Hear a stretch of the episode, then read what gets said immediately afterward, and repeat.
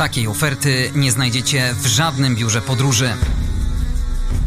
Zabieram Was w niebezpieczną wyprawę dookoła świata. Odwiedzimy miejsca naznaczone historią, konfliktami, terroryzmem czy ludobójstwem. Zapraszam na podcast Jak nie zwiedzać świata.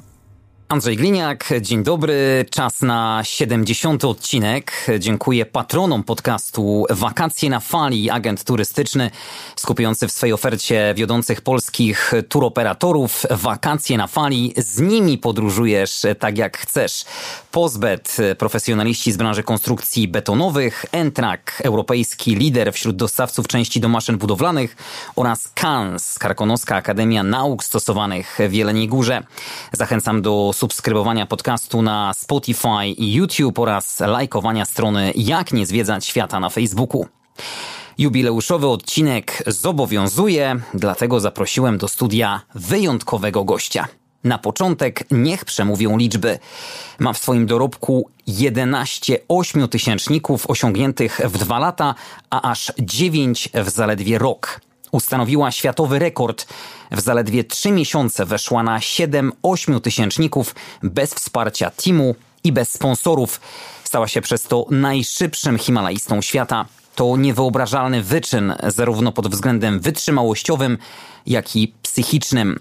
Postawiła stopę na najtrudniejszych szczytach świata, na czele Ska2, Nanga Parbat, Anna Purna, Broad Peak czy Lotse.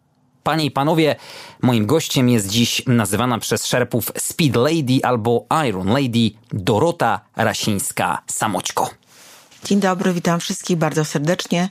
Bardzo mi miło za zaproszenie do klimatycznego Wrocławia i mam nadzieję, że wybierzemy się nie tylko w Himalaje i e, Karakorum, ale też będzie dużo jeszcze ciekawych innych opowieści.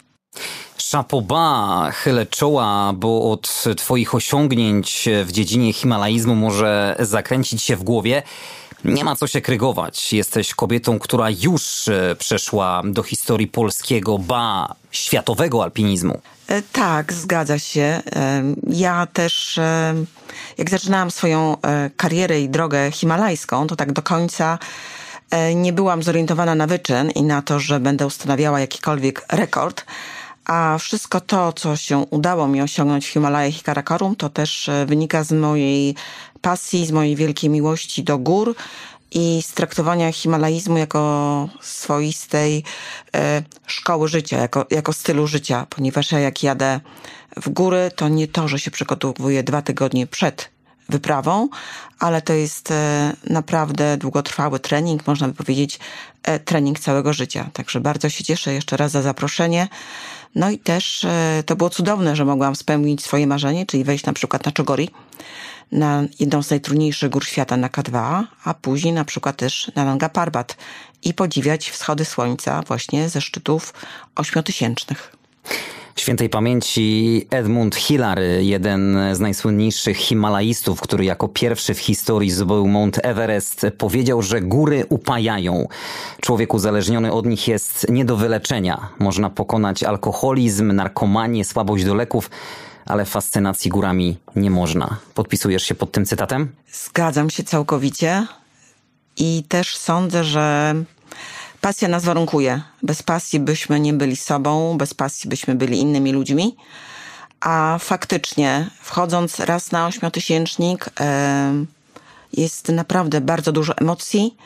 Mimo tego ogromnego zmęczenia, mimo całej tej drogi, jaka nas prowadzi na szczyt, czasami w bardzo ekstremalnych, trudnych warunkach, ale na przykład wschody słońca są niezapomniane na 8000 metrów i można by faktycznie powtarzać je praktycznie każdego dnia. Ja jak na przykład byłam bardzo zmęczona, weszłam na Broad Peak, później tego samego dnia znalazłam się na dole, e, czyli pokonałam e, praktycznie e, ponad 5 tysięcy, żeby zejść na dół.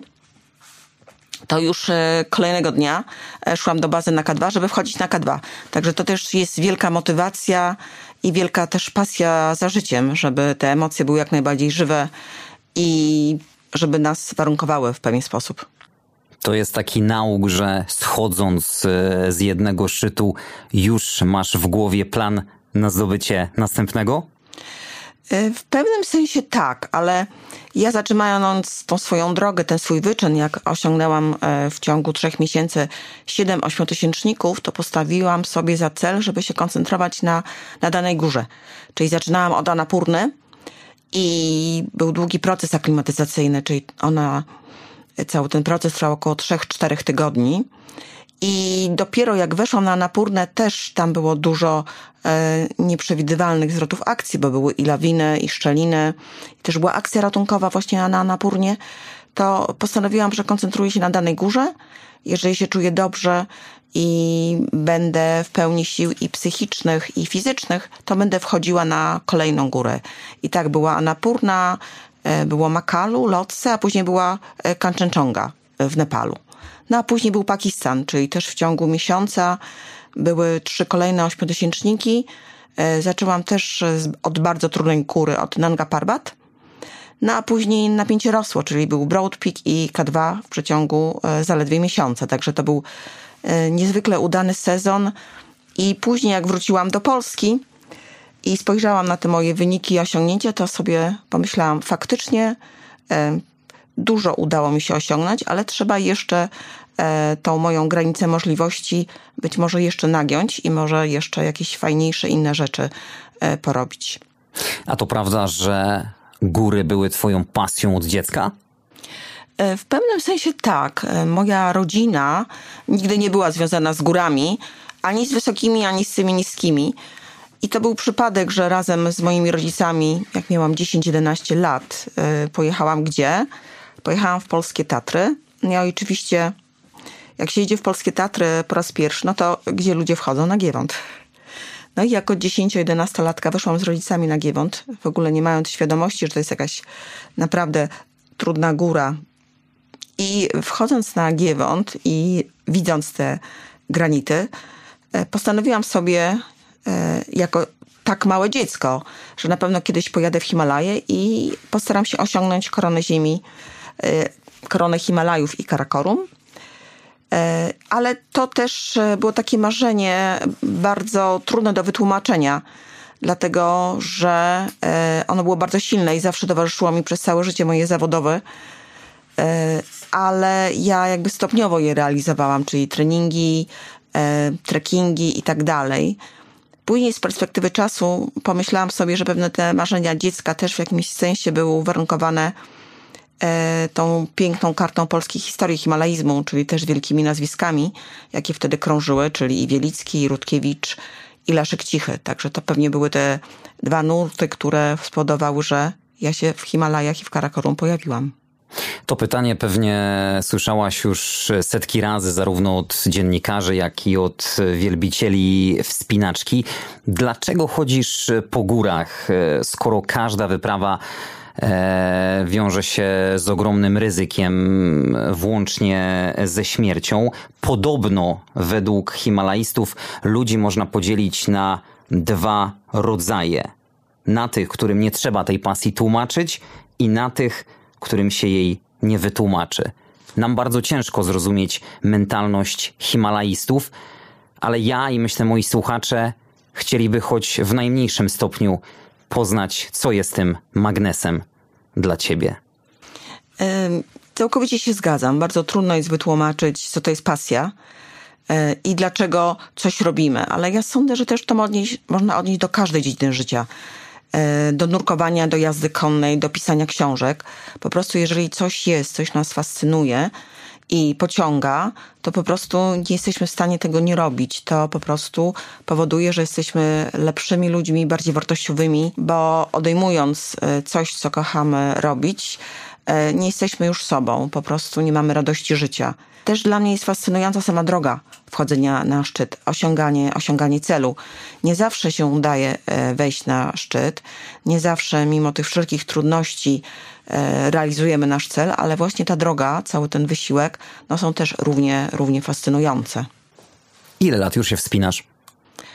E, w Himalajach pojawiłam się niedawno, możemy tak powiedzieć, w 2001 roku. Po raz pierwszy wyjechałam pod Mount Everest, bo uznałam, że jak testować siebie, to trzeba zacząć od najwyższej góry świata. Od razu z wysokiego C. od razu z takiego C do kwadratu, możemy powiedzieć. Dlatego to był właśnie Everest. Everest y, też y, miał swoje trudności, nie tylko te techniczne i nie tylko to, że tam i była czasami bardzo trudna i wymagająca pogoda, ale też y, ja schodząc z Everestu miałam wizję, że jeszcze wejdę na lotce, ale niestety pojawiła się pandemia, pojawił się COVID, lockdown i schodząc z Everestu i ciesząc się no, z tego mojego pierwszego osiągnięcia, tak do końca tej e, radości nie mogłam okazywać, bo okazało się, że e, schodzę na dół, później lot do Katmandu i tam jestem praktycznie uwięziona przez ponad miesiąc, bo odwołano wszystkie loty międzynarodowe. Ulice są puste, tak wymarło, jakby to był jakiś marsjański krajobraz.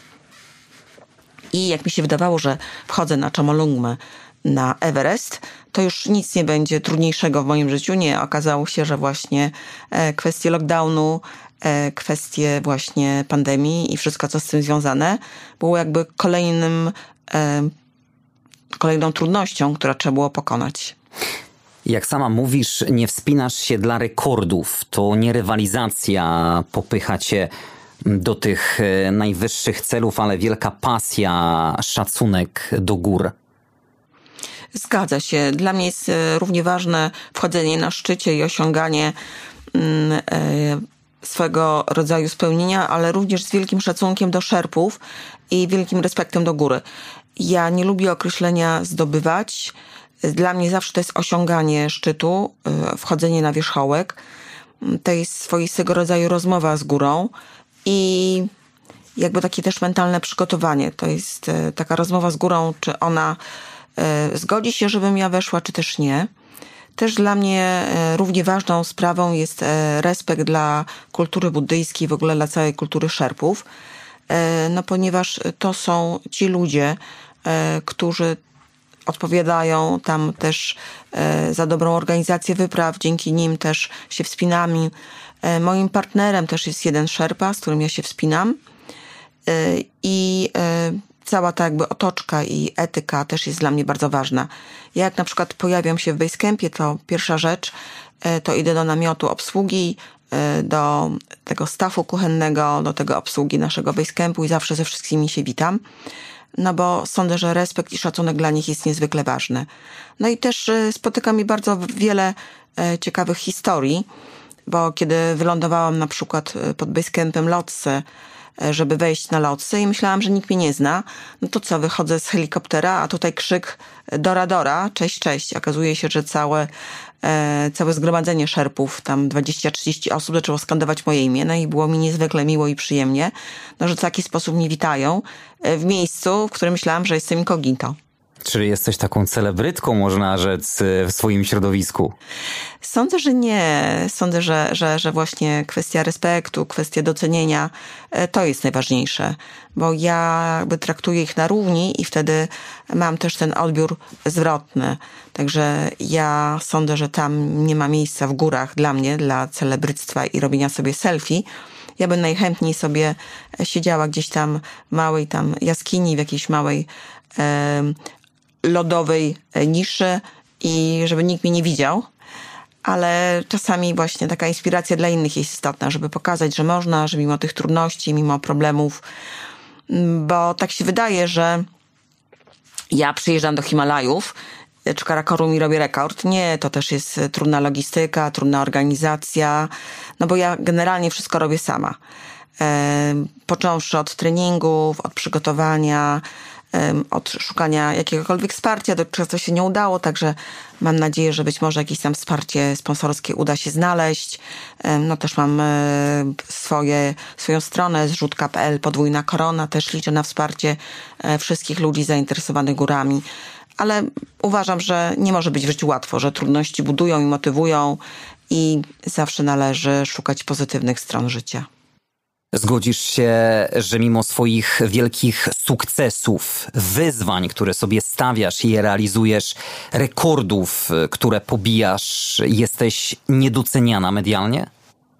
No właśnie to jest bardzo e, ciężko wytłumaczyć, bo osiągnięcia mówią same za siebie, jakby nie musimy e, tworzyć historii, nie musimy mówić o pewnych faktach, bo to one są ewidentne, ale e, wielokrotnie spotykam się z wielkim uznaniem, wielkim e, szacunkiem. E, wiele osób mówi, że to jest zaszczyt, że faktycznie e, mają możliwość spotkania się ze mną. Natomiast jeżeli chodzi o kwestie wsparcia i kwestie finansowe, jest to bardzo e, trudne. E, Sądzę, że z jednej strony może to jest uwarunkowane taką ogólną sytuacją finansową, e, z drugiej moje nazwisko nie było też za bardzo medialne, bo mm, ja nagle, e, nie będąc w środowisku wspinaczkowo-himalajskim e, przez wiele, wiele lat, nagle e, moje nazwisko pojawia się na łamach gazet i nagle dla wszystkich to jest szokiem, że taka osoba, jakby nieznana znikąd, nie promująca się w mediach, nagle wchodzi na tyle ośmiotysięczników i sądzę, że też to była kwestia oswojenia się, oswojenia się z moją osobą i oswojenia się, że jest taki ewenement. Bo teraz jak obserwuję, to jest e, jakby e, syndrom e, śnieżnej kuli, że po prostu ktoś gdzieś coś słyszał i nagle okazuje się, że już wszyscy chcą wiedzieć o, o tobie jak najwięcej. Także to też jest, sądzę, takie powolne, powolne przecieranie się do świadomości i pokazywanie, że można funkcjonować e, bez kreowania się medialnie na początku. No i cały czas mam nadzieję, że dzięki tym sukcesom uda się to przekuć w taki, tak, taką realną pomoc, bo sądzę, że to by było mm, też znakomite na skalę światową, że nagle tutaj Polka ma koronę Himalajów i Karakorum i koronę Ziemi. To będę jedynym Polakiem, który ma i też bez wielkiego teamu, bez wielkiego wsparcia jestem w stanie to osiągnąć, bo niektórzy wspinacze mają milionowe budżety, mają kilkunastu szerpów, które ich wspomaga, a ja mam tylko jednego szerpę, no i mam jakby swoje ograniczone zaplecze organizacyjno-logistyczne. Gdyby przełożyć Twoje sukcesy na tak globalne dyscypliny jak piłka nożna czy choćby tenis, no to dziś pewnie przyleciałabyś do studia prywatnym odrzutowcem z wianuszkiem ochroniarzy, a na wywiad czekałbym długi czas celowo użyłem takiego porównania, bo w globalnej skali też bardzo mocno reklamujesz swoimi osiągnięciami nasz kraj, Polskę, jesteś jej ambasadorką. No tak, sądzę, że studio jest na tyle małe, że to by był problem, żeby wszyscy się tu zmieścili, ale zapewne tak. Natomiast e, dla mnie nie do końca e, są właśnie e, ważne cała ta otoczka celebrycko-medialna, ale właśnie same osiągnięcia i ta wielka satysfakcja. Także mam nadzieję, że w przyszłym roku też będziemy mogli mówić o tych moich kolejnych osiągnięciach i sukcesach.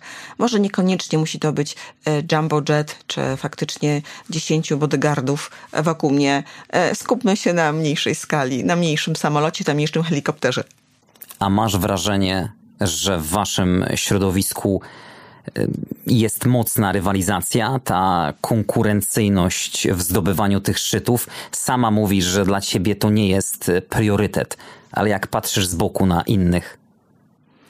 Ja sądzę, że jak w każdej dyscyplinie sportu czy dyscyplinie życia e, są ludzie, którzy starają się rywalizować, e, rywalizować i e, osiągać jakieś cele, które nie są do końca zgodne z etyką. E, i z innymi e, warunkami. To też należy nie tylko odnieść do polskiego świata e, himalajskiego czy wspinaczkowego, ale w ogóle generalnie mm, do himalaizmu jako takiego. No zdarzają się ludzie, którzy nie do końca jeżdżą w góry dla pasji, nie do końca jeżdżą w góry po to, żeby się wspinać i cieszyć się z tylko tego, że tam są. No ale to możemy, sądzę, uznać do do takiej kategorii ludzi, jak w każdej dziedzinie życia. Są różne podejścia do życia. Jedne są bardziej komercyjne, jedne są bardziej romantyczne, bardziej etyczne. Przed początkiem twojej wspinaczki na jeden ze szczytów odbyło się prawdziwe komercyjne wspinanie króla Bahrajnu. Tak, książę, książę Bahrajnu. Książę. Książę Bahrajnu, tak. Jak wchodziłam pierwszy raz na Everest, E, to też to wszystko było dla mnie nowe. Robiliśmy długi proces aklimatyzacyjny i okazało się, że właśnie koło nas, koło naszej e, całego zaplecza ulokował się właśnie książę Bahrajnu, ale nie byłoby w tym nic dziwnego, gdyby nie to, że to było całe miasteczko dla księcia, ponieważ e, około 60 bodogardów, e, specjalny service service tylko dla niego E, czasami, jak robiłam sobie trening rano i tam przebiegałam wokół jego namiotu, no to uznali, że ja jestem mało groźna, bo tam szybko koło nich przebiegam, także czasami e, książę tam też mnie pozdrawiał, z daleka machając ręką. Natomiast e, to też było tak, wyobraźmy sobie, cała ekipa wchodziła razem z nim na szczyt jako support, no bo przecież książę nie mógł tam być sam osamotniony na 8800 metrów i też jego wyjście odbyło się e, w niezwykle wielkiej tajemnicy. W nocy nagle całe miasteczko księcia opustoszało, bo wszyscy się wybrali e, z nim na szczyt, na szczyt Mont Everestu. No i ja miałam to szczęście, e, że szłam dzień po. Także e, to miasteczko... Książę Bahrajnu przecierał szlaki. Tak jest, przecierał szlaki, torował drogę, wyrywał poręczówki i tak dalej. E, no ja z moją ekipą 20-osobową szłam kolejnego dnia. Także to też była dla mnie też takie spotkanie i takie spojrzenie na górę trochę z innej strony, niekoniecznie bardzo sportowej, E, niektóre rzeczy, jak się okazuje, na wreszcie można traktować w ramach wydarzeń komercyjnych bądź medialnych. Całe swoje życie podporządkowujesz wspinaczce. Jak wygląda takie życie tak utytułowanej e, himalaistki? Trening, przygotowanie zarówno fizyczne, jak i mentalne, bo to też na pewno odgrywa bardzo dużą rolę. Zgadza się. Ja sądzę, że właśnie we wspinaczce i w himalaizmie niezwykle ważne jest podejście mentalne i psychiczne. E, fizyczność to tylko mały ułamek tego, e, co nas warunkuje i co powoduje, że osiągamy sukces. Mm, to też jest bardzo ciekawe z tych moich obserwacji, że himalaizm to jest taki kompleksowe podejście do życia. To jest niezwykle wymagający sport, niezwykle wymagające podejście, bo tutaj zbieramy doświadczenie z całego życia. E, te doświadczenia kolejnych trekkingów to właśnie kumulują się e, na ten sukces. E, I to też sądzę, że w tym sporcie nie należy mówić o porażkach. Należy mówić o tym, że każde doświadczenie, gdzie nie do końca osiągamy dany cel, powoduje, że zdobywamy wiedzę do tego, jak unikać błędów i jak e, bezpiecznie wchodzić na górę i wracać z niej. Natomiast e, jak ja trenuję? Ja sądzę, że jakby całe moje życie to jest właśnie sposób na to, żeby e, uprawiać himalaizm. To nie jest tak, że ja dwa tygodnie przed wyprawą na K2 zaczynam się intensywnie przygotowywać i biegać wokół bloku bądź jeździć na rowerze 8 godzin dziennie. Nie. E, to wszystko jest jakby e, podporządkowane temu himalaizmowi, temu mojemu celowi. Jednocześnie nie ukrywam, że to jest wielki wysiłek, ale to mi sprawia ogromną przyjemność i satysfakcję. Nie jest to, że ja po prostu robię coś, bo muszę. I też sobie wymyśliłam, że taki trening, który robię, to będzie ten trening, który sprawia mi przyjemność. To znaczy, ja się koncentruję na takim ogólnorozwojowym treningu. To może być pływanie, jazda na rowerze, granie w tenis, cokolwiek, co mi sprawia przyjemność. Przestrzegam jednej zasady, to znaczy generalnie trenuję rano, koło godziny, biegam, no żeby poprawić mój nastrój, nastrój, żeby te endorfiny z rana e, wpływały pozytywnie na mnie. Później po południu trenuję 2-3 godziny. No i jeszcze wieczorem. Wieczorem też e, skupiam się na treningu tak godzinnym, półtora godzinnym. A dlaczego tak? Bo wiem na przykład, że przed wejściem na szczyt E, już na przykład brakuje nam 100-200 metrów do szczytu, do wierzchołka, to jesteśmy potwornie zmęczeni. Wyobraźmy sobie, że to jest atak szczytowy, który trwa 12 godzin w zimnie, w chłodzie, we mgle. No i wyczerpanie jest ogromne i kluczowe jest właśnie te 100 metrów. 100 metrów przed wierzchołkiem, czyli nawet ja nie mam sił, e, to staram się znaleźć te pokłady energii w sobie. I właśnie taki trening na granicy wytrzymałości tutaj na nizinach e, pozwala mi jakby poprzeciągać te granice poza e, możliwość mojej świadomości, że nawet kiedyś jak myślałam, że nie mogę, to okazuje się, że mogę. No a jeszcze, żeby tak do końca być pewną, że jestem przygotowana na 200%, to też uwielbiam wyjeżdżać w polskie Tatry e, z ciężkim plecakiem oczywiście, trekkingowo 11-12 godzin we mgle, w chłodzie i to mnie też przygotowuje na Himalaję, bo wielokrotnie w Tatrach jest chłodniej, zimniej niż właśnie w Karakorum, gdzie czasami na lodowcu możemy być w krótkim rękawku, a w namiocie może być tak gorąco, że nie wiemy co zrobić.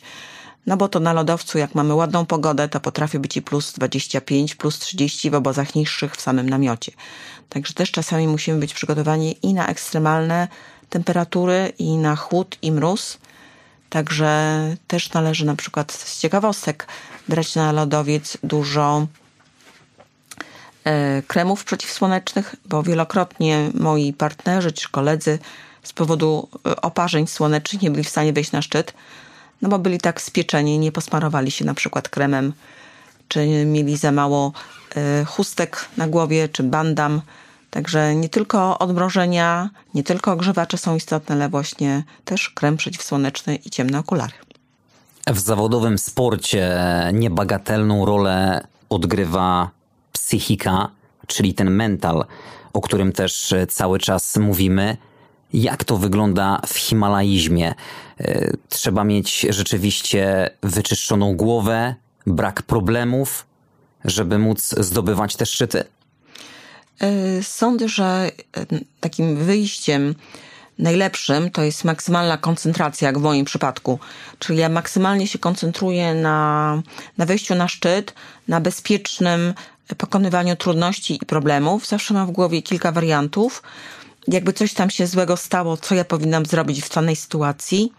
Jakbyśmy na przykład wpadli do szczeliny, albo okazało się, że mm, gubimy drogę, po prostu zawsze staram się zachować zimną krew, tak żeby wyjść z danej sytuacji i nie panikować. I poza tym ważne jest to, żeby zachować tyle sił, żeby wejść na sam wierzchołek i żeby mieć jeszcze około 40% na powrót. To nie jest tak, że ja maksymalizuję swój wysiłek i na przykład padam na szczycie K2 czy Nanga Parbat i tam mnie muszą reanimować, bo wiem, że muszę mieć jeszcze tyle siły, żeby wrócić, bo wielokrotnie droga prowrotna jest o wiele bardziej ryzykowna niż samo wejście na szczyt. Tam jest wtedy wiele wypadków.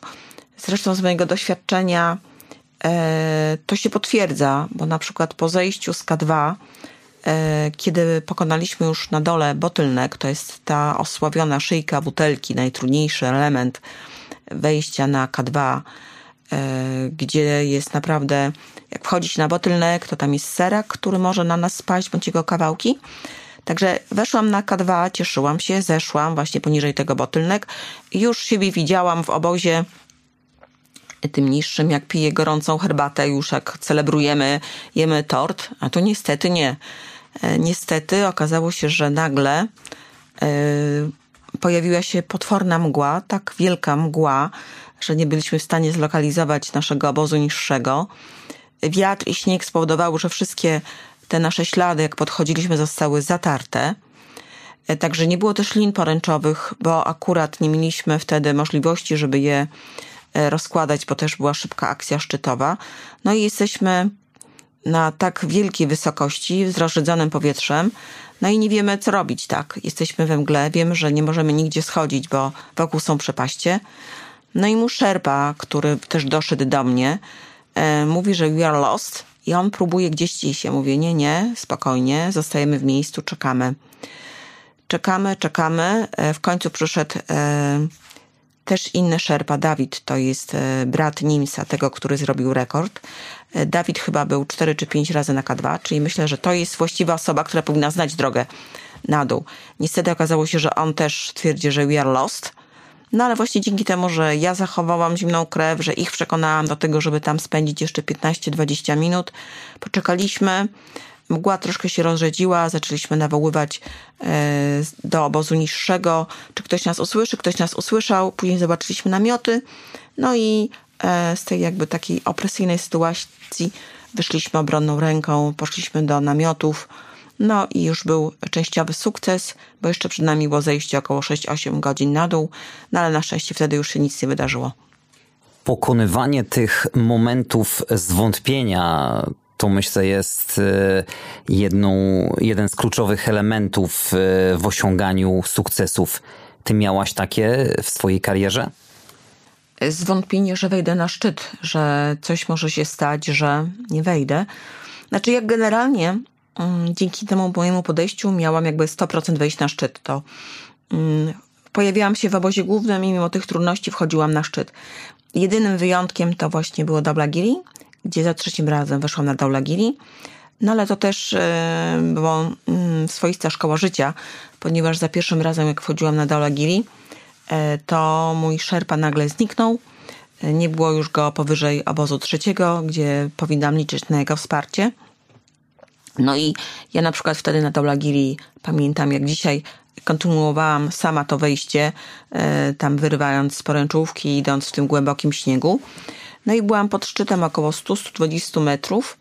No i e, taką miałam wizję, że wejdę sama na ten szczyt, ale ta ekipa, która była wcześniej przede mną, którzy już weszli na szczyt, no przekonali mnie, że jednak nie powinnam sama ryzykować i wchodzić na szczyt, bo załamanie pogody mogło być bliskie, ja bez wsparcia e, faktycznie mogłabym sobie do końca nie poradzić. Także to była bardzo trudna decyzja o odwrocie i e, mając świadomość jakby tych moich przygotowań, tego treningu i zasięgu tego szczytu, bo ja już go widziałam, widziałam namacalnie. I to była właśnie taka decyzja bardzo trudna, decyzja bardzo słuszna z perspektywy czasu, ale niezwykle trudna w tym miejscu i w tym czasie. Także też nasza czasami odwaga polega na tym, jak powiedzieć sobie nie, wracamy na dół. Czasami warto odpuścić. Czasami może tak, y, zrobić należy krok w tył, żeby później móc osiągnąć większe korzyści i z tego wyciągnąć pewne wnioski. Zgadzam się. Który szczyt i dlaczego był dla ciebie największym wyzwaniem? Ja sądzę, że Nanga Parbat, Nanga Parbat i później w drugiej kolejności K2. Ja byłam przygotowana, że Nanga Parbat jest jedną z trudniejszych gór, jednocześnie fascynujących, ale bardzo trudnych.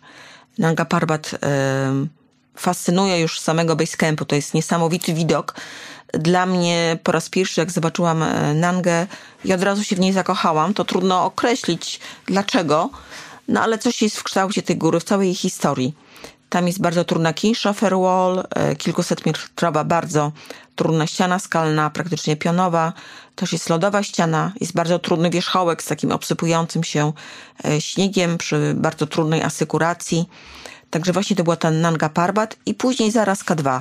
Takie wielkie dwa wyzwania, wielkie dwa marzenia, e, no, które można przy odpowiednim przygotowaniu e, zrealizować, ale to właśnie duże samozaparcie, duża samodyscyplina, no i takie spełnianie marzeń, to też nie jest to, że my sobie coś wymarzymy i nic nie robimy. Nie. To należy właśnie taki romantyzm połączyć z takimi ramami organizacyjno-praktycznymi. Z którego szczytu jest najpiękniejszy widok, który zapiera dech w piersiach? Ja sądzę, że każdy szczyt jest niepowtarzalny i każdy e, szczyt ma swoją specyfikę i trudno powiedzieć, gdzie jest piękniej bądź ładniej. To wszystko też zależy od pogody. Tak, tak. Ja bardzo wspominam tak czule i tak z takim wielkim romantyzmem na przykład wejście na Kanczenczongę. Na Kanczenczongę dlatego, że były piękne gwiazdy, piękny księżyc, praktycznie w pełni ja nie używałam swojej czołówki, także było tak pięknie i tak jasno. Poza tym Kanczenczoga w tym ostatnim elemencie jest bardzo wymagająca. Tam jest taki bardzo ostre, strome podejście, które ja lubię. No i też takie romantyczne, romantyczne wejście, bo praktycznie byłam sama na Kanczęcządze, tylko z moim partnerem, który był e, za mną e, kilkadziesiąt metrów. No i tak czułam się faktycznie ten, mm, to niezwykły majestat i niezwykłą, e, niezwykłe otoczenie e, tej góry. Także z takich ciekawszych przeżyć, też na przykład ostatnio wejście w tym roku na Czaoju. Wyszliśmy o 6 rana na Czaoju. Było przepięknie, przepięknie, bo była piękna czerń. Generalnie nic nie było widać oprócz tej czerni, także tutaj wyobraźnia musiała, musiała zadziałać, jakie są piękne widoki z Czaoju. No ale jak już schodziliśmy, byliśmy godzinę pod szczytem, no to wtedy wyszło e, piękne, piękne słońce i z tego obozu niższego, z obozu trzeciego mogliśmy podziwiać jakby całą panoramę, e, całą panoramę Tybetu. Także czasami nie jesteśmy w stanie przewidzieć, co tam nas spotka w górach e, wysokich. Jakie były najniebezpieczniejsze przygody, które spotkały Cię w drodze na szczyty? To właśnie jak e, wspomniałam e, wcześniej, to być może e, taka jedna z niebezpieczniejszych sytuacji to właśnie było to zagubienie się we, mgle kilkudziesięciominutowe, jak schodziłam z K2, ale również są takie mm, momenty, które trudno przewidzieć. Na przykład na Everestie byliśmy koło 7-8 rano, weszliśmy na szczyt i też nie byliśmy tam bardzo długo, bo postanowiliśmy schodzić na dół, e, żeby być jak najszybciej w tych obozach pośrednich, czyli w obozie czwartym, trzecim i tak dalej. Natomiast okazało się, że jak schodziliśmy ze szczytu e, Mont Everestu, to, to pogorszenie pogody nadeszło o wiele wcześniej niż przydywaliśmy i e, schodząc na 8000 metrów byliśmy wielokrotnie zatrzymywani przez huraganowy wiatr. Ten wiatr huraganowy po prostu stopował nas, a jedynym wyjściem było to, żeby przeczekać te najsilniejsze porywy. Także zamiast schodzić w dół, e, większość czasu polegało na wczuwaniu się w odmuchy wiatru, mm, jak tutaj znaleźć bezpieczną drogę. Dołączmy do tego oblodzone poręczówki, gdzie praktycznie nasze przyrządy asekuracyjne nie działały. E, dołączmy też trudności w nawigacji, w szukaniu drogi w dół. Także zamiast schodzić e, kilka godzin do tego niższego obozu, schodziliśmy praktycznie 8 godzin na dół, a później noc też nie była przyjemną nocą, no bo trudno spać, jeżeli mm, powłoki namiotu są uderzane przez huraganowy wiatr i myślimy, czy razem z tym namiotem gdzieś nie odlecimy e, w dół. E, trzymanie pałąków też było bardzo problematyczne. No i też e, mieliśmy ograniczone zapasy jedzenia i wody, także tak zwany limit był kompletny. No i później jeszcze kolejne dni i kolejne schodzenie do obozu głównego, pod Everestem. Także to też był e, swoistego rodzaju wyczyn, bezpieczny powrót. Obalamy mity związane ze wspinaczką. Jakie największe absurdy słyszałaś o Himalajistach? A, jakie największe absurdy słyszałam o Himalajistach? E, sądzę, że czasami uważa się, że my idziemy tam, żeby już nie wrócić. A... One way ticket. One way ticket, tak. E, bardzo drogi ticket czasami. Po prostu robimy wszystko, żeby tam pójść i już, już więcej nie powrócić. A właśnie nie. Dla mnie to jest taka pasja, taka energia, e, która każe nam tam jechać i później e, my jesteśmy nią uwarunkowani, żeby tu wrócić i dzielić się naszą radością życia, naszymi emocjami, naszymi przeżyciami. Bo właśnie ideą jest to, żeby wejść bezpiecznie na szczyt, mimo tych wszystkich trudów i wysiłków, i wrócić, i wrócić bezpiecznie i dzielić się radością, bo sądzę, że są o wiele łatwiejsze drogi, żeby nie wracać, niż właśnie podejmować tak duże ryzyko i jeszcze myśleć o tym, że tam zostać toaleta, jadłospis, utrzymywanie porządku na szczycie. Na temat tych zagadnień też powstaje mnóstwo historii. Tak, to jest e, niezwykłe. Czasami się wydaje, że takie problemy e, banalne e, urastają do rangi naprawdę dużego problemu. Z takich fajniejszych historii ostatnio i też takich e, związanych z bardzo trudną naszą himalajską rzeczywistością, właśnie wychodzenie do toalety. Jak w tym roku pojechałam na Daulagiri i okazało się, że e, w Basecampie, gdzie powinna być ładna pogoda, że powinno być zielona trawka, powinny śpiewać ptaszki, no i powinno być generalnie ciepło, okazało się, że ponad dwa tygodnie byliśmy zasypywani notorycznie śniegiem, a różnica była taka, że albo mniej padało, albo więcej padało a codziennie potrafiło być około półtora metra śniegu. Więc jedynym wyjściem, żeby wyjść do toalety, było wzięcie saperki i uzbrojenie się w cierpliwość.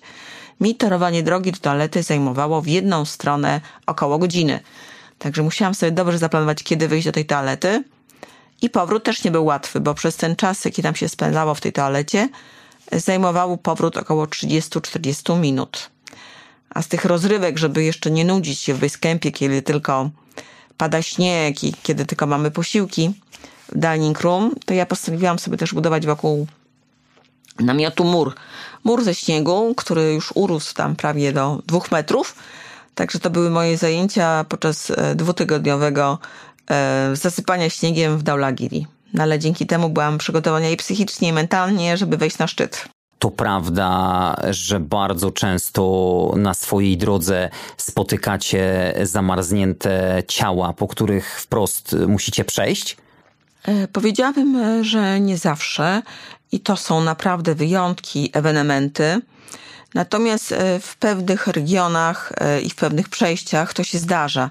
Na przykład pod szczytem K2 czy na Everestie po prostu są takie miejsca, że musimy te osoby ominąć. Ja też do końca to jest dla mnie naprawdę duże i ogromne przeżycie i to też warunkowane jest jakimiś wielkimi emocjami i też jest dla mnie to ciężkie. Natomiast e, problem jest taki, że mm, żeby te ciała e, usunąć, żeby zrobić faktycznie pogrzeb, to konieczne są jakieś potworne zezwolenia, permity, organizowanie całych wypraw, zezwolenie rodziny. Także cały ten proces ewentualnie godnego pochowania tych ciał no jest bardzo skomplikowany ale ja jednocześnie jakby też e, jakby się e, składam szacunek tym osobom, które tam podjęły się temu wyzwaniu, podjęły się, żeby wejść na szczyt, no i niestety musiały tam zostać. To są sytuacje tragiczne i też e, związane też z wielkimi przeżyciami i emocjami z mojej strony. No natomiast nie możemy nic zrobić. Po prostu sądzę, że należy oddać hołd i cześć im i w godny sposób po prostu pozwolić i tam nadal pozostać. A jak odniesiesz się do powszechnej opinii, że znacznie trudniejsze dla himalajstów jest schodzenie? Zgadza się. Ja mm, mogłabym chyba wchodzić e, cały czas na K2 albo Nanga Parbat, bo uwielbiam wspinanie. Natomiast powroty są problematyczne. Powroty są problematyczne, ja nie lubię schodzić. Dla mnie to jest naprawdę ciężko. Po pierwsze, jesteśmy zmęczeni już fizycznie, po drugie, psychicznie jednak musimy się skoncentrować też na, mimo tych naszych już e, ułomności i tej e, fizyczności, kiedy po 12, czasami nawet 16 godzinach ataku szczytowego nagle musimy schodzić. No i ta myśl, że zdobyliśmy ten szczyt, już jesteśmy w domu, już witamy się z gąską, a to wcale nie jest tak prosto. A to wcale nie jest tak prosto i najwięcej wypadków właśnie jest przy powrocie. E, też jest dużo załamań pogody, e, też e, może być jakiś wypadek, także jeszcze należy wzmóc tą swoją uwagę psychiczną, no ale ja mimo tego potrafię zejść z Kanczenczogi w, w przeciągu 8-9 godzin tego samego dnia ze szczytu na sam dół, czy teraz też zbiegałam z Daulagiri praktycznie 8 godzin, no bo wiedziałam, że muszę się zmobilizować, że muszę zrobić wszystko E, jak najlepiej. Także mimo tej mojej niechęci e, jestem w stanie tak się zmotywować, żeby po prostu zejść na dół bezpiecznie. Czy to prawda, że łatwiej wspinać się latem niż zimą? E, generalnie tak, tak możemy powiedzieć. Ja na przykład jak byłam w Pakistanie i wspinałam się na K2 i Broad Peak i w tych obozach niższych byłam zaskoczona, że jest naprawdę ciepło, bo tam jest wtedy lato w Pakistanie, mamy wtedy Y, lipiec, końcówkę czerwca, czyli faktycznie ta pogoda e, w niektórych obozach była dla mnie aż, aż za ciepło mi było. E, tak samo też w tym roku w Tybecie na Chooju też było bardzo ciepło, ale na przykład zdarzają się takie dni, e, że jak na przykład wspinamy się jesienią na Daulagiri czy na Manas, to jest naprawdę chłodno, nieprzychylnie i zimno. Także generalnie tak, ale oczywiście są jak zawsze wyjątki. E, na przykład teraz e, nie były to ani Himalaje, ani Karakorum, a było Denali. W tym roku byłam na Denali w ramach Korony Ziemi, na najwyższym wierzchołku Ameryki Północnej. I co się okazało?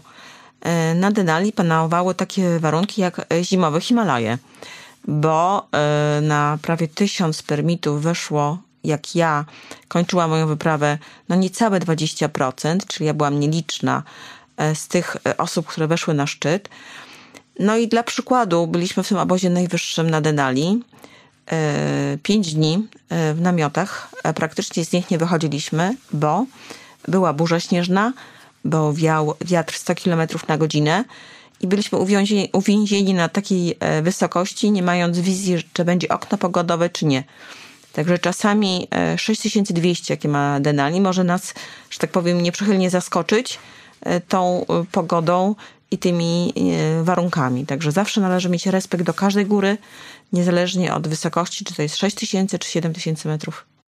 Rozumiem, że na takich wysokościach jesteśmy niemal całkowicie odcięci od świata, choć nie do końca, bo też poza studiem opowiadałaś mi, że w pewnym kluczowym momencie nagle zadzwonił ci telefon. Co to za tak. historia? Tak. Wchodziłam w tym roku też e, na Manaslu. Na Manaslu w ogóle też postanowiłam wejść po raz drugi, bo tam jest teraz e, dwa lata temu odkryto drugi wierzchołek, ten wyższy wierzchołek. No więc postanowiłam, że się sprawdzę. I to też było też takie rekordowe wejście w przeciągu pięć dni e, do, bez aklimatyzacji. Wchodziłam na szczyt Manaslu. I wydaje się, że Manaslu no, jest taką górą niezbyt trudną technicznie.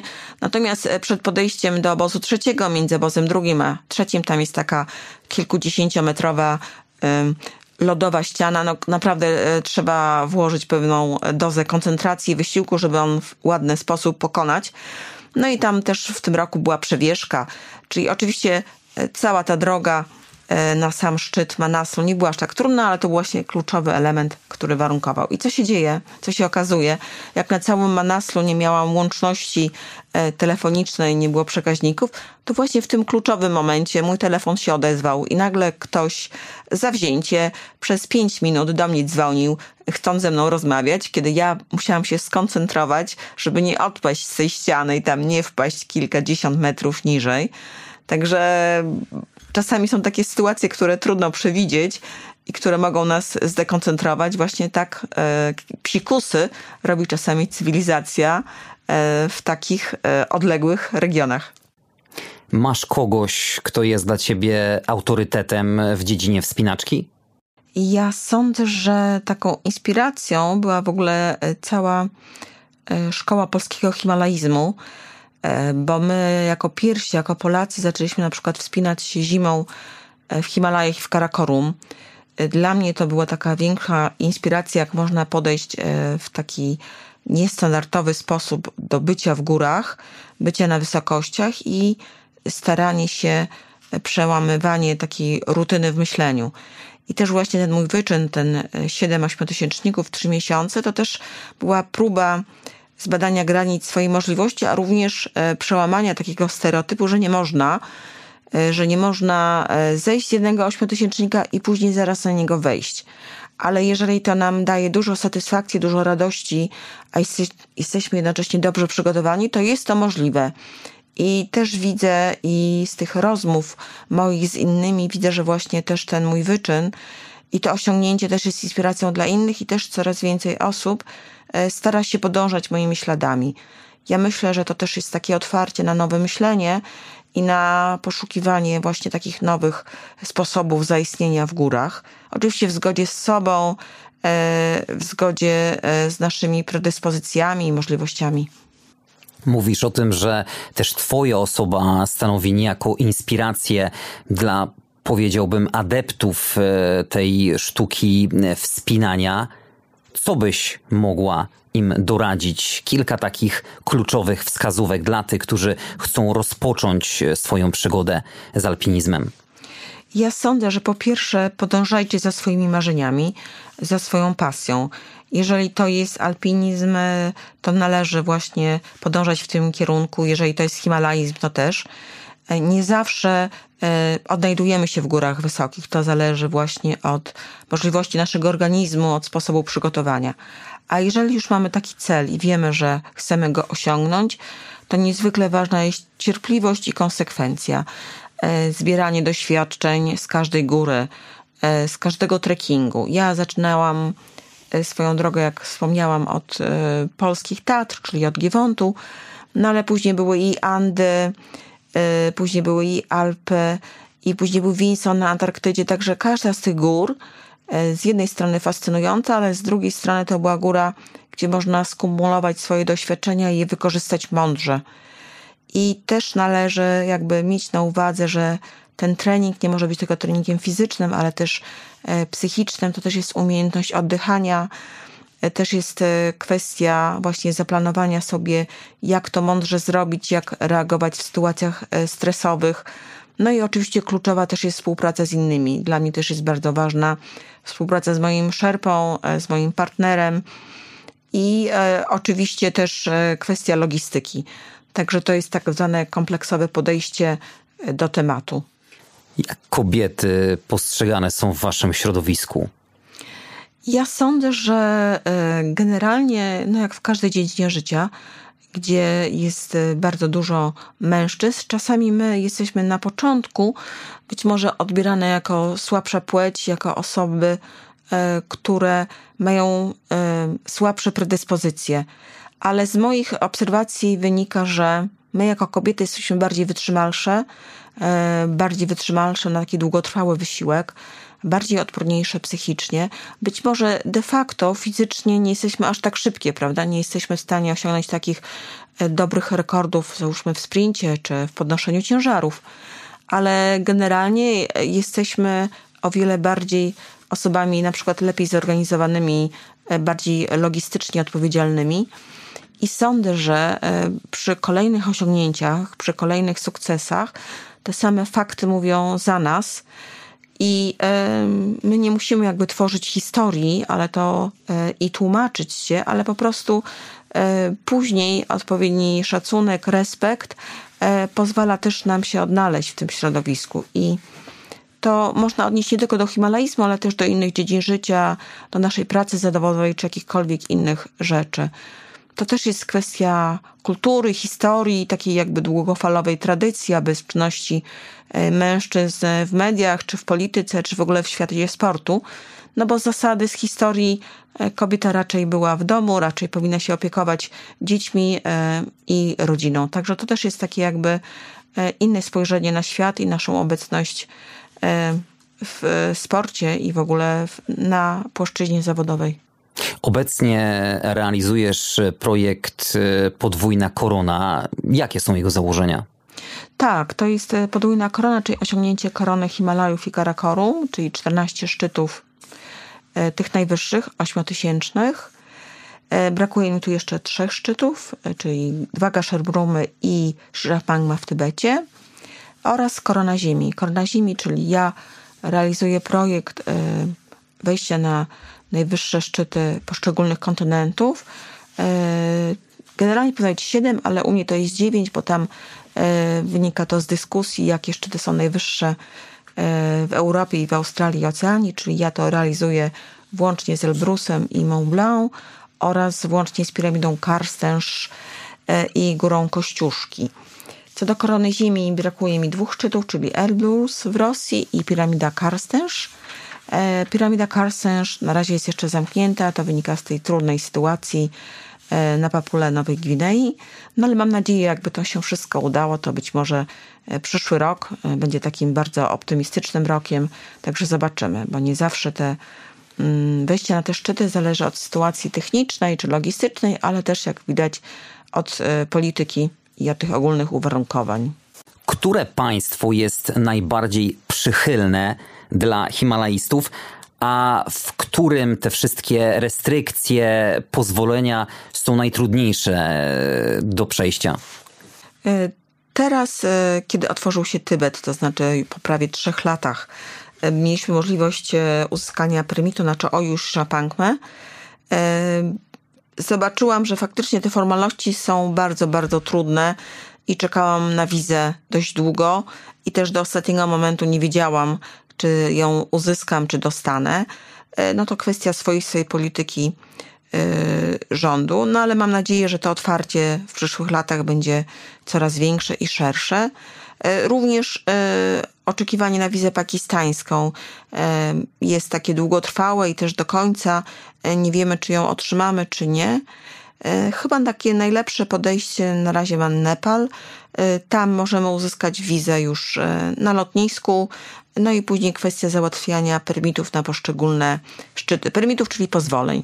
Także sądzę, że na razie Nepal ma takie największe otwarcie na Himalajstów ale te rejony, w których znajdują się też ośmiotysięczniki, nie są do końca bezpiecznymi terenami. No takie największe, e, największy problem jakiś czas temu był Zanga Parbat. Zanga Parbat, który się znajduje w Pakistanie, to jest e, zachodnia, zachodnie Himalaje. I to jest taki specyficzny region, specyficzny region z taką sytuacją dość skomplikowaną politycznie. Wiemy, że Pakistan jest krajem, gdzie obowiązuje islam, także ten region jest jakby szczególnie zradykalizowane. No i też pamiętamy tą tragedię na Nanga Parbat, jaka się wydarzyła.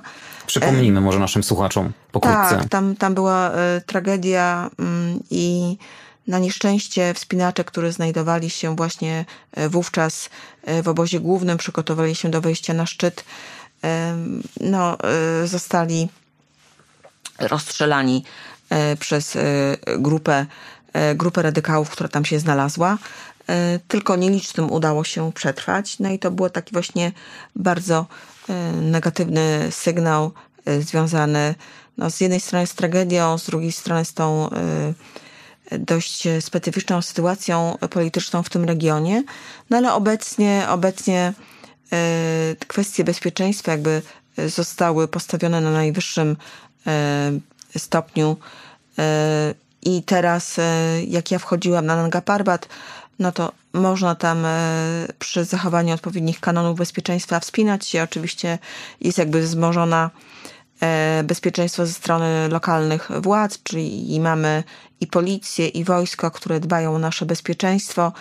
Także e, czasami nie mamy wpływu na tą sytuację polityczną, no ale miejmy nadzieję, że to wszystko będzie się powoli stabilizować i że e, góry będą właśnie dla pasjonatów i dla wspinaczy i że będzie zapewnione dla nich e, bezpieczeństwo na jak najwyższym poziomie.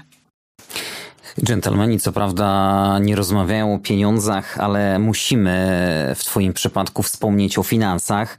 No bo takie wyprawy pochłaniają ogromne koszty. Niektórzy zostawiają nawet swoje domy, samochody, wydają oszczędności życia. Ci najwięksi pasjonaci. Skąd ty czerpiesz e, środki na kolejne wspinaczki, mówiąc o tym, że nie masz tego e, silnego zaplecza sponsorskiego?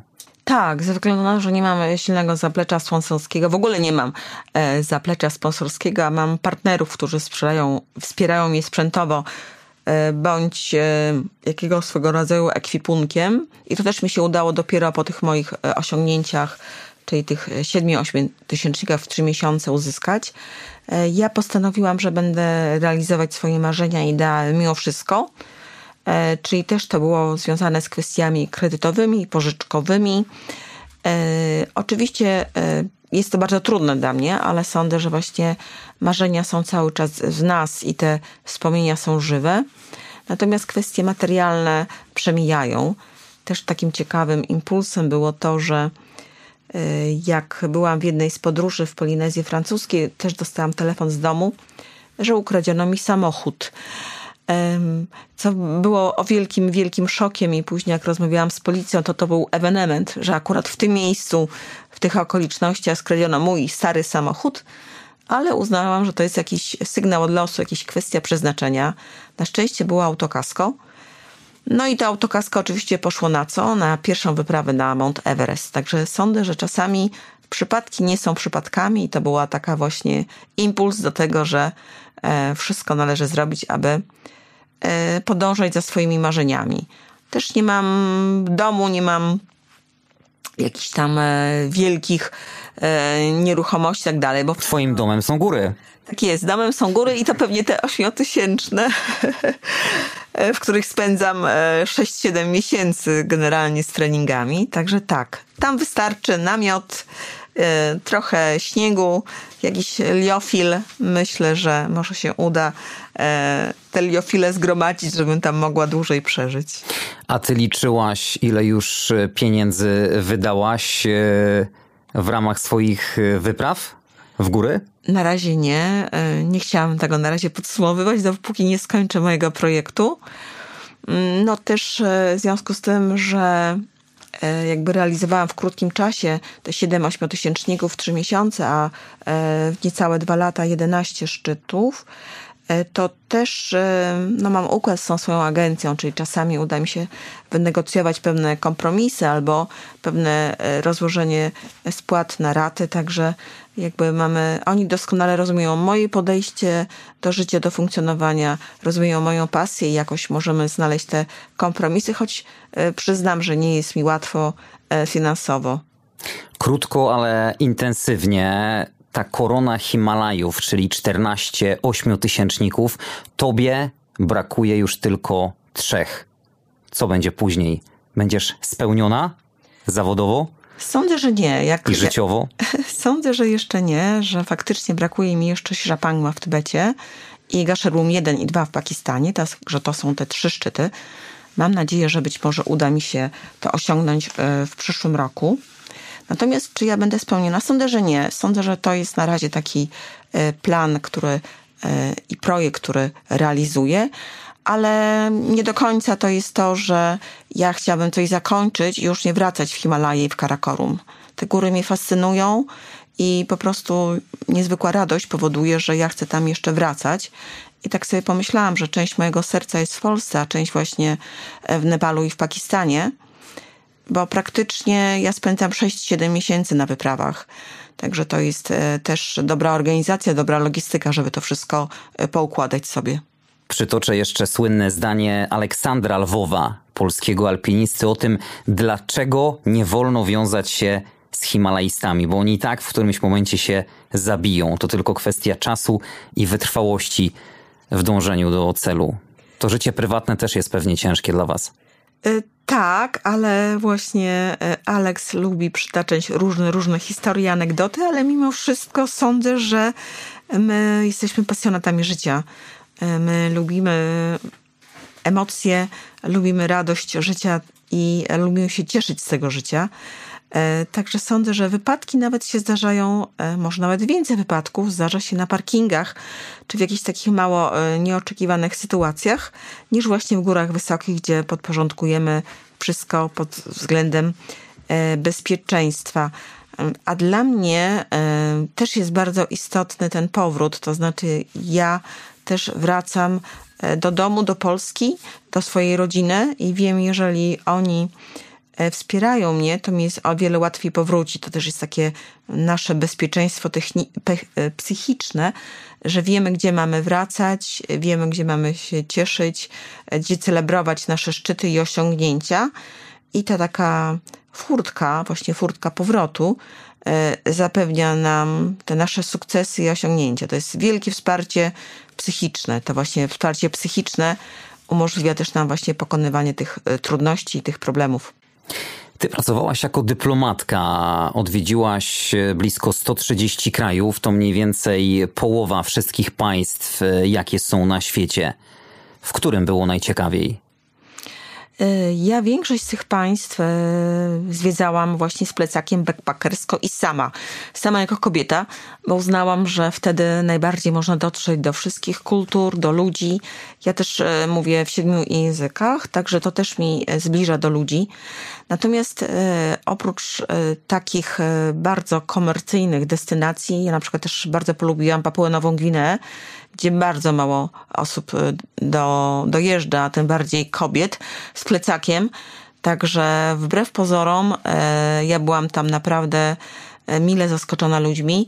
I też wielokrotnie było tak, jak pojawiałam się w jakimś miasteczku, to na przykład miałam niezwykłe wsparcie na przykład kobiet, e, które od razu oferowały mi nocleg za darmo albo e, jakąś tam kwestię podwiezienia czy nawet jedzenia. Wielokrotnie miałam problem, żeby odmawiać na przykład przyjmowania pokarmów, no bo ile można jeść te ciasteczka albo coś takiego, a wszyscy uważali, że jestem albo za chuda, albo na pewno jestem już zmęczona e, też z takich właśnie niezwykłych przeżyć, to na przykład byłam też w Chinach, w regionie pustyni Gobi, też w okolicy Kaszgar, gdzie no, też miałam niezwykle wsparcie właśnie tej lokalnej społeczności i zawsze to były otwarte serca i pomocna dłoń. Także też byłam e, w, i w Oceanii, i w Australii, także zawsze miłe wspomnienia. Oczywiście e, czasami zdarzają się sytuacje takie, e, że musi nam się zapalić czerwona lampka w głowie, no ale to wtedy poznaje się ludzi, podróżując samemu i wtedy wiesz, kiedy się wycofać. Przeżyłaś coś takiego? Dramatyczne momenty podczas swoich podróży? E, znaczy, było kilka takich sytuacji, e, które e, kazały mi się zastanowić, czy w danej. No to uchyl chociaż rąbka tajemnicy, jeśli chodzi to, o jedną. Jest to możliwe, ale na przykład podróżowałam w Fidżi i przemieszczałam się jakimś lokalnym busem z jednego miejsca na drugie, bo musiałam dotrzeć na lotnisko, bo akurat miałam wylot z Fidżi. I oczywiście jestem w tym autobusie praktycznie sama, są jacyś inni lokalni mieszkańcy. E, i jest oczywiście kierowca. No i okazuje się, że nagle mój pasażer, który widzi mnie po raz pierwszy w życiu, nagle uznaje, że no jestem piękną, romantyczną kobietą i on w ogóle wszystko dla mnie zrobi. W ogóle zaraz możemy wysiąść z tego autobusu, on mi wszystko zapewni, żebym ja tutaj została na zawsze na tym Fidżi. Także czerwona lampka mi się zapaliła. Grzecznie mu podziękowałam, przemieściłam się w kierunku kierowcy, żeby tam blisko niego usiąść, żeby tylko wysiąść na lotnisku. Także e, to są takie sytuacje, które jakby się już wyczuwa e, i wiemy, kiedy zareagować jako samotna kobieta z białą twarzą, e, kiedy należy stanowczo, acz wyraźnie powiedzieć nie. Ostatnio mieliśmy odcinek o Kosowie. Też wspominałaś poza anteną, że gorąco było w Serbii, w Belgradzie tak. pracując jako dyplomatka w ambasadzie. Tak, e, był to właśnie okres, kiedy pracowałam jako rzecznik prasowy i sekretarz do spraw politycznych e, w ambasadzie Polski w Belgradzie. To był taki okres, kiedy e, Kosowo walczyło o swoją niepodległość, no i nadszedł moment, w którym ogłosiło ono niepodległość. Oczywiście ogłosiło ono niepodległość nagle, niespodziewanie, tak żeby reakcja e, międzynarodowa nie pozwoliła zastopować e, tej decyzji. No oczywiście Kosowo uzyskało wsparcie ze strony Stanów Zjednoczonych, a e, należy wiedzieć, że nasza ambasada, ambasada Polski w Belgradzie znajduje się tuż koło ambasady amerykańskiej. Ja wtedy byłam, kiedy ogłoszono niepodległość Kosowa, byłam wtedy w ambasadzie i e, nawet nieświadoma tego, że coś się dzieje na ulicy, utrzymałam telefon jako rzecznik prasowy e, z Polskiego Radia chyba, albo też z jakiejś telewizji, e, żeby e, powiedzieć, co się dzieje na ulicach Belgradu. No bo oni mają sygnał, że w ogóle Belgrad płonie, że są jakieś zamieszki. No i ja roztropnie wyjrzałam przez okno i faktycznie tuż koło naszej ambasady okazało się, że płoną ogniska, są transportery opancerzone. Spojrzałam właśnie i zastanowiłam się, to przypomniało mi faktycznie stan wojenny, i zaczęłam myśleć, co się dzieje.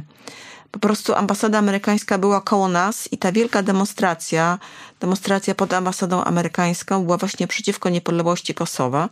No i w tym momencie to wyglądało tak, jakby cały Belgrad płonął właśnie przeciwko Amerykanom i przeciwko Kosowarom. No oczywiście jako dyplomata y, starałam się jak najbardziej obiektywnie ocenić tą sytuację.